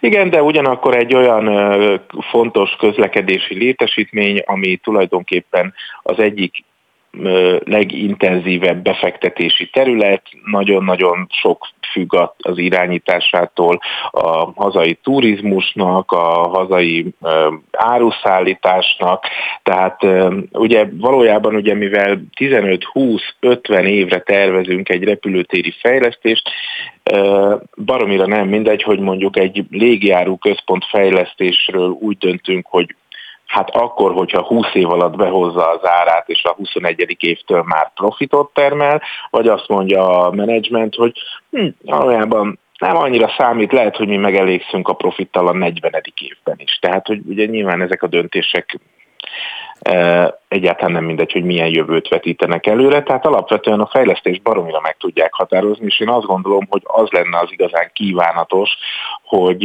egy állam és egy aktuális repülőtéri menedzsment ez mindig partnerségben tudjon működni. Ez most a jelek szerint kifejezetten nem így van. Hogyha a Budapest Ez Airport, a igen, a Budapest Airport fejlesztésére gondolunk, abban a magyar kormánynak milyen olyan szándékai lehetnek, amit a mostani menedzsment nem támogathat?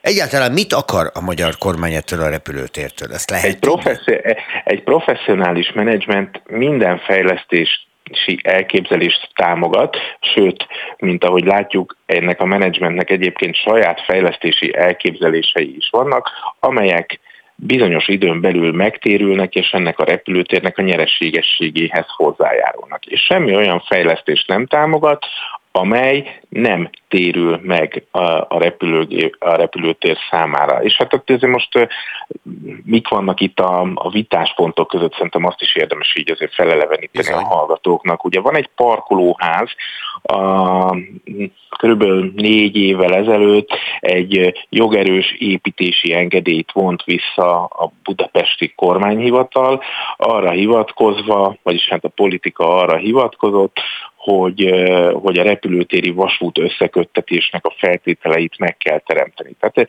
négy év alatt egy, egy, egy, egy gram beton nem tettek oda, sőt most helyreállították ugye az eredeti állapotot. A Ferihegyi repülőtérnek az egyes terminálját hamarosan újra fogja nyitni a a repülőtéri menedzsment annak érdekében, hogy a forgalom jobban és az utasok számára kényelmesebben menedzselhető legyen. Ehhez is kellenek hatósági engedélyek és állami hozzájárulásuk, ahogy lehet hallani, ebben is folynak az igen intenzív egyeztetések. És egyébként pedig ugye hamarosan elkezdődik egy hármas terminál vagyis hát a szakmában hármas terminál néven ismert, de hát egy, egy grandiózus repülőtérbővítési projekt. Az merre felé indul? Aztán, Hát ami a jelenlegi, jelenlegi kettes terminálnak a, a, a, az alapvető kibővítése lesz. Ugye a területen nincsen probléma, mert Ferihegy a legnagyobb területen fekvő repülőtér Európában.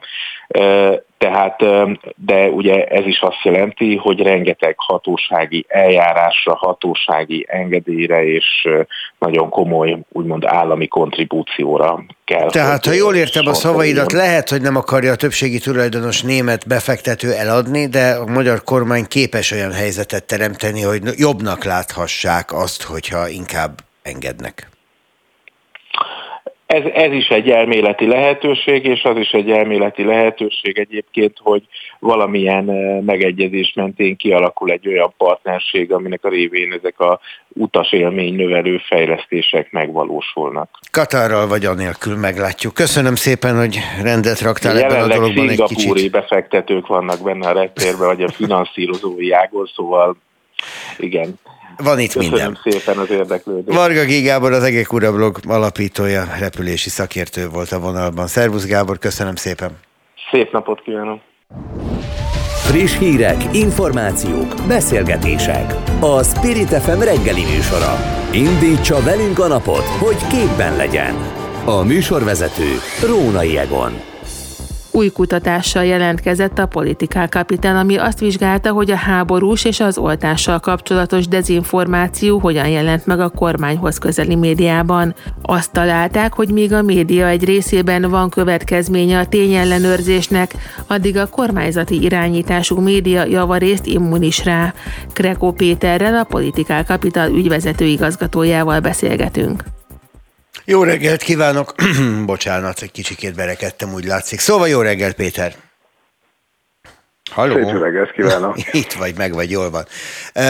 Nagyon igazságtalan lenne, miközben persze meg tudjuk tenni ezt a, a finom különbségtételt kormányoldali és nem kormányoldali média között, hogyha csak arról beszélnénk, hogy a magyar kormánymédia hogy működik, mert az egész világon van egy olyan tendencia, ami a tények ellenőrzését vagy ellenőrizetlen közlését, mint hogyha teljesen megbocsájtható bűnnek kezdeni tekinteni. De nem így látod? Igen, ez teljesen igaz, hogy egy olyan korszellem kezd eluralkodni, ahol Hát különösen a politikában, de részben a médiában is, és tényleg nem csak Magyarországon, hanem mondjuk angol száz országokban, például az Egyesült Államokban is, azért azt látjuk, hogy hogy eluralkodik egy ilyen vélemények kiszolgálását célzó, és kevésbé a, a tényekre alapuló politizálási és újságírási stílus.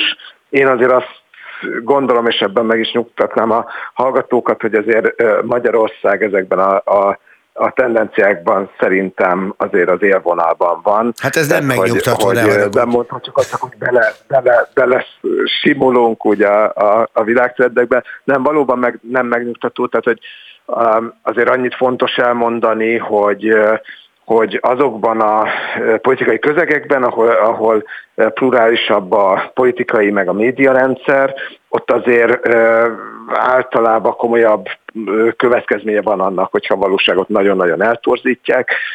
Magyarországon azért sok példát láttunk arra az elmúlt években, hogy ez, ennek nem, hogy nincs negatív politikai következménye, hanem inkább sokszor választási győzelmet. Ez nem egy évtizedes folyamat, és, és igazából arra gondolok, hogy nem is az álhírek és a, a nem bizonyított hírek felől közelítenék, hanem hogy az a fajta információs közeg, ami az elmúlt évtizedben Magyarországon eluralkodott, legalábbis a kormánymédiában eluralkodni látszik, az egyfajta csoportosítása volt mindig is, és egyre erősebb csoportosítása a kormány számára kedvező, és a, a másik irányba kedvezőtlen híreknek. Tehát kiválogatjuk azt, ami nekünk jó, a többivel nem beszélünk. Innen egy következő lépés már az, hogy kiválogatjuk azt is, ami nem is biztos, hogy egészen igaz, de jól hangzik nekünk.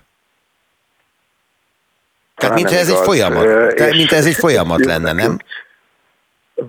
Valóban, valóban, de azért ott van egy minőségi ugrás szerintem, amikor, amikor arról beszélünk, hogy a valóságnak különböző értelmezéseit adják az eltérő politikai oldalak, ami teljesen természetes, és az helyzet, hogy enélkül nyilván nem lehetne politikát elképzelni, demokratikus politikát, és más lépés az, amikor, amikor nem létező jelenségekre építenek masszív politikai kampányokat, azért mondjuk gondoljunk vissza arra, hogy a legutóbbi parlamenti választásra egy időben ugyebár volt egy olyan népszavazás Magyarországon, aminek a, a, az implicit állítása azért az volt, hogy az ellenzék arra készül, hogy olyan törvénymódosításokat vezessen be, amelyek lehetővé tennék a kiskorúak nem váltó műtétjét. Na most erről itt nem arról van szó, hogy a hogy ennek van valami valóságmagva, amit felnagyítottak, hanem nulla köze volt a, Igen, a valósághoz. Tehát én azért azt gondolom, hogy és persze tényleg mondjuk, ha elmenj, ha az Egyesült Államokban megnézzük, akkor azért ott a QAnon összeesküvés elmélet és más ilyen zaftos konteók, azért azt mondhatjuk, hogy, hogy bőven terjednek, azért az államnak a viszonya ezekhez nem olyan egyértelműen támogató, és még Trump idején sem volt az, mint, mint, mint Magyarországon, viszont egy kicsit hadd legyek annyiban optimista, hogy azért mi azt is talál, így visszatérve erre a témára, amit, amit említettek kifejezetten a tények és a, az újságírás viszonyára, hogy azért mi azt találtuk, hogy a, hogy a fact van némi hatása a magyar médiatérben ebben a kutatásban. Ugyebár itt a tényellenőrző partnerünk a Lakmus által ellenőrzött két állítást vizsgáltunk. Az egyik az most leegyszerűsítve egy kicsit a narratívákat, arról szólt, hogy, a, hogy amerikai cégek Ukrajna földjének jelentős részét felvásároltak, kvázi ez gyarmatosítva, ez kiderült, hogy ez semmilyen bizonyíték nem támasztja alá. Másik pedig arról szólt, hogy a Pfizer valamiféle ember kísérleteket végez a, a, a, a lakosságon, és hogy ezt bevallotta valójában a, a, a Pfizer egyik vezetője az Európai Parlamenti meghallgatása. És amit mi találtunk, az az, különösen az első hír esetében, az első hír az ukrajnai földvásárlásokról, az hatalmas karriert futott be a magyar kormányzati médiában, és sok más területen is megjelent a bulvár sajtóban, az agrár sajtóban, illetve a nem politikai sajtóban is. És viszont ezeken a helyeken, mikor megjelent a lakmus tényellenőrzése, azt mondanám, hogy hát az a helyzet, hogy ennek nulla valóság alapja van, akkor eltávolították ezeket a cikkeket, és még beszéltünk is a, a, az Agrárinfo szerkesztőjével, aki megerősítette, hogy, hogy a, a tényellenőrzés hatására távolította ezt el. Na várj, várj egy pillanatra, Péter, ha valaki nem emlékszik a történetre, ez ugye úgy volt, hogy amerikai megagiga cégek gyakorlatilag Ukrajna területének harmadát, tehát lényegében a, a termőföldet megvásárolták Ukrajnában. Felvásárolták Ukrajnát. És ez volt az a hír, ami igen, igen, ahogyan volt, nem volt igaz. Pontosan, és ez az egy nagyon fontos lépés volt szerintem, amikor ez megjelent valóban a, mezőgazdasági szaksajtóban, ahol ugyebár, és ez, ez egy nagyon komoly platform, amiről itt beszélünk, és, és mondom, annyiban legyünk optimisták, hogy ezért van a médiának egy olyan szegmense Magyarországon, ahol igenis még számítanak a tények, és természetesen vannak olyan kérdések, amiben lehet nagyon eltérő véleményeket megfogalmazni a, a nyilvánosságban, de nyilván az nem egy egészséges dolog, hogyha tényekkel ellenőrző, vagy ellentétes értesülések mennek végig a médián, és, és a, a magyar médiának egy részére ez hatással van, kormányzati médiában természetesen ennek kisebb hatása volt, tehát inkább egy ilyen ellenhatást eredményezett, hogy elkezdtek írogatni arról, hogy a Soros blog védek, védi Soros Györgyöt, de mondjuk ez, ez többé-kevésbé kiszámítható, tehát hogy, a, hogy igazából nagyobb önreflex reflexivitást nem nagyon, meg reflektivitást nem nagyon vártunk igazából a kormányon. Nagyon fogy az időnk, úgyhogy egy gyors felvetést még azért idehozok. A ti tanulmányotok mutatta ki azt, hogy furcsa módon, akik a Covid-dal kapcsolatos álhírekre hajlamosak voltak, hogy azokat terjesszék, ugyanaz a kör hajlamos az ukrajnai háborúval kapcsolatos álhírek terjesztésére is. Ez a médiában nem így jelenik meg, de az alaphír terjesztésben viszont igen. Ez nekem azt mutatja, hogy van egy kör, amelyik voltak éppen mindenféle álhírre, tehát a, a mainstreamtől, az elfogadottól eltérő összeesküvés elméletekre fogékony, és boldogan híreszteli bármerre felé is. Pontosan, ezt így tökéletesen összefoglaltad, és hát arról van szó egyébként, hogy ez nem csak Magyarországon van jelen, hanem ez mondjuk a, a, az európai tényellenőrző közegben nagyon sok ilyen hír jelent meg, hogy valóban a Covid-szkeptikus oldalak és szereplők egy egyben átugrottak az ukrán háború, hát orosz narratíváinak a terjesztői közé, amikor, amikor elindult a háború. Ez Magyarországon is így volt egyébként, főleg a széleken, mondjuk ha Gödény György, vagy éppen a mi hazánk politikájára vagy nyilatkozataira gondolunk, ami jó hír ebből a szempontból. Ja, és ezt találtuk a közvéleményben is, hogy a kettő között van összefüggés. Ami jó hírét, az az, hogy egyébként a magyar kormányzati médiában ezek a Covid-dal kapcsolatos és oltásokkal kapcsolatos álhírek nem igazán terjedtek. Néha mi úgy fogalmaztunk, hogy narancssárga jelzést kaptak, néha egy-egy átcsúszik, áthajt a már majdnem piroson, de alapvetően a, a legtöbb ilyen hírt azt megfogja a kormányzati média, és ez ez azt is jelenti, hogy egyébként ez a nagyon centralizált médiarendszer, ha itthon kialakult, ez elben jó célokra is használható lehetne. Például a Covid alatt inkább azt találtuk, hogy ezek az egyértelműen Covid tagadó vagy, vagy oltásszkeptikus összesküvés elméletek, ezek száműzve vannak a médiából, és ennek megfelelően ezek azért kevésbé is terjedtek el sokkal a kormányoldali szavazók körében, mint amennyire az Ukrajnával kapcsolatos összesküvés elméletek nagyon hatékonyan el tudtak terjedni. Krekó Péter, szociálpszichológus, a Political Capital ügyvezető igazgatója beszélt az imént az aktuálban. Péter, köszönöm szépen! Böngésző. Mivel foglalkoznak a vezető internetes portálok? Hogyan találnak egyes híreket? Mire kattintanak a legtöbben? Böngésző. A Spirit FM reggeli műsorának online lapszemléje. Címlapsztorik, értekezések, izgalmas információk. Böngésző. Mondtam én, hogy találkoznak még ma reggel a hallgatók az én szerkesztőmmel. Jó reggelt kívánok mindenkinek. Toró Nikolett a stúdióban. Mit olvastál?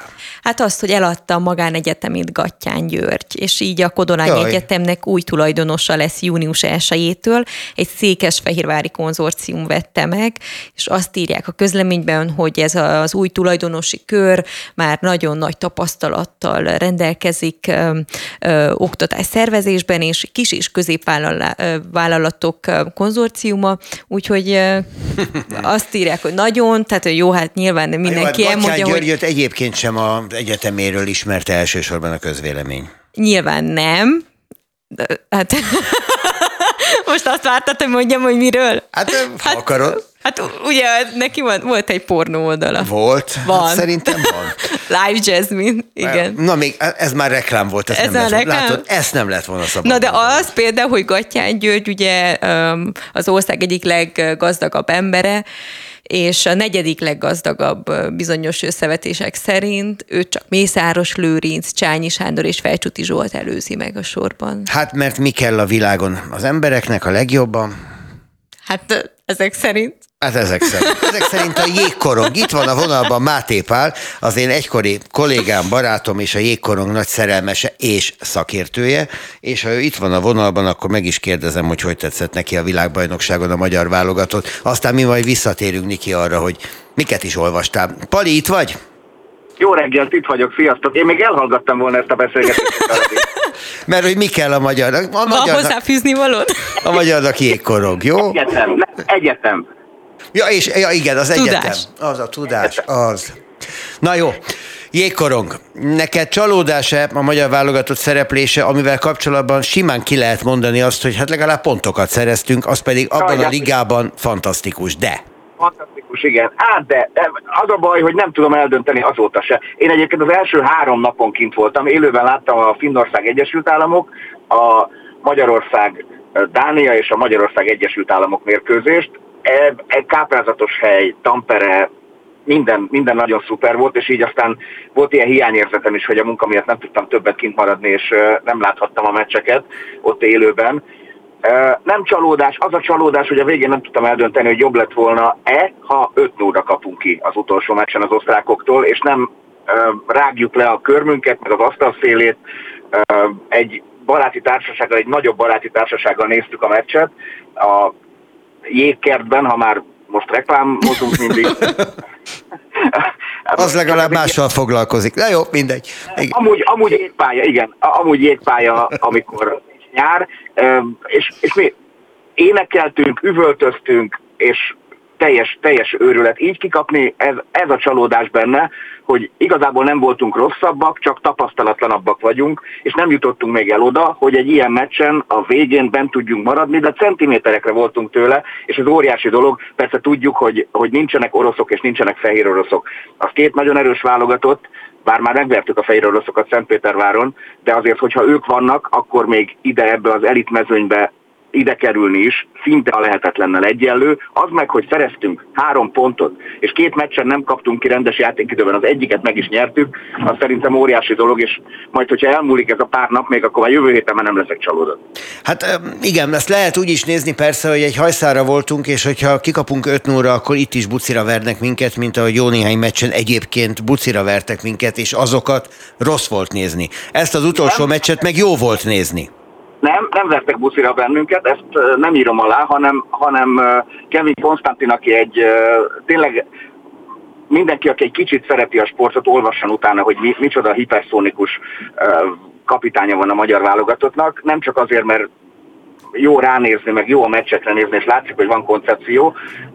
Egyetlen egy meccset sem engedtünk el úgy, hogy feltartott kézzel jöttünk volna ki, mert nekünk pihennünk kell, kevesebbet bírnak a játékosok, kevesebbet játszanak, ez mindig az, hanem játszottunk, amíg volt értelme. Én legalábbis így láttam, és utána, amikor már nem volt, akkor azt mondtuk, hogy, hogy oké, okay, ennek itt vége, és 7-1 lett, majdnem minden meccs 7-1 lett, egyébként nem kell felidéznem őket külön-külön, de ez nagyjából azt jelenti, és tényleg így is van, hogy ezek az ellenfelek, Finnország, Svédország, az Egyesült Államok harmadonként két góllal jobbak a magyar válogatottnál, és ez így már talán nem hangzik annyira szarul. Egyébként meg azt tegyük hozzá, hogy Konstantin valóban, tehát ahogy te mondtad, egy olyan edző, aki az NHL-ben is letette a névjegyét, nem is akármilyen csapatoknál, tehát látott már karon varjút, hogy azt mondani szokták.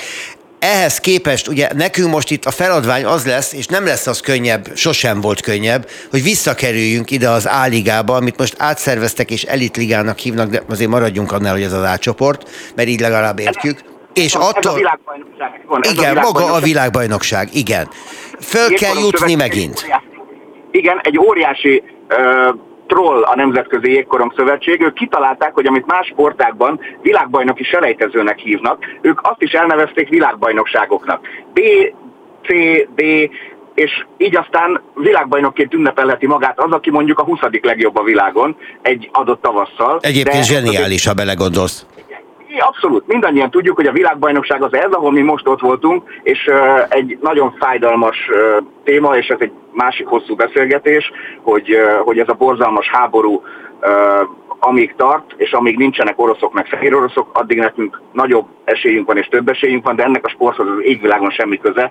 Tehát úgy kéne számolni, hogy ne legyen már háború, senki ne halljon meg, és a sporttól az sportolhasson mert az orosz jégkorongozók egy ilyen világbajnokságról amúgy nagyon hiányoznak. Hát hogy nem, mint hogy egy csomó sportákból különben, és hát a, a többségük egyáltalán nem tehet semmilyen módon arról, ami zajlik Oroszország és Ukrajna között. De hát ez egy megint veszevezető történet. Az, hogy most csalódottak nagyon sokan, akik a jégkorong szerelmesei itthon, az nyilván érthető, ugye te is mondod, hogy még fel kell ocsúdni abból, hogy hogyan estünk ki végül is. Ugyanakkor, ugyanakkor nagy dolog az, hogy, hogy itt vagyunk. Igen, és nagyon szeretném elmondani, hogy ezt hogy bénáztuk el, hogy van kettő darab olyan csarnokunk, egymástól négy villamos megállónyira, nem kell fél országokon átutazni, meg két országon, ez ugye most uh, Tamperében és Rigában van ez a világbajnokság. Már a tavaly is Finnországban volt, vagy előtte is volt Finnországban, nem is olyan rég. És most nekünk lett volna egy történelmi esélyünk, hogy olyankor rendezzünk jégkorong világbajnokságot, ami tök szürreális, amikor ott van a magyar válogatott. És egymástól négy villamos megállónyira két hatalmas jégcsarnok, itt lett volna mindenki. A kanadaiak, az amerikaiak, a svédek, finnek, mondom még egyszer, három kilométerre.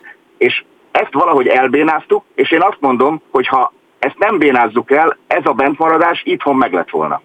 Mármint, hogy úgy volt, hogy mi rendezzük ezt a világbajnokságot, és meg lehetett volna tartani itthon, és, és akkor ugye más lett volna minden. Jó, de, de ne, Pali, ne ebből induljunk ki, mert ez olyan, mintha mentséget keresnénk, miközben pontosan tudjuk, hogy a magyar szurkolótábor micsoda erőt tud adni.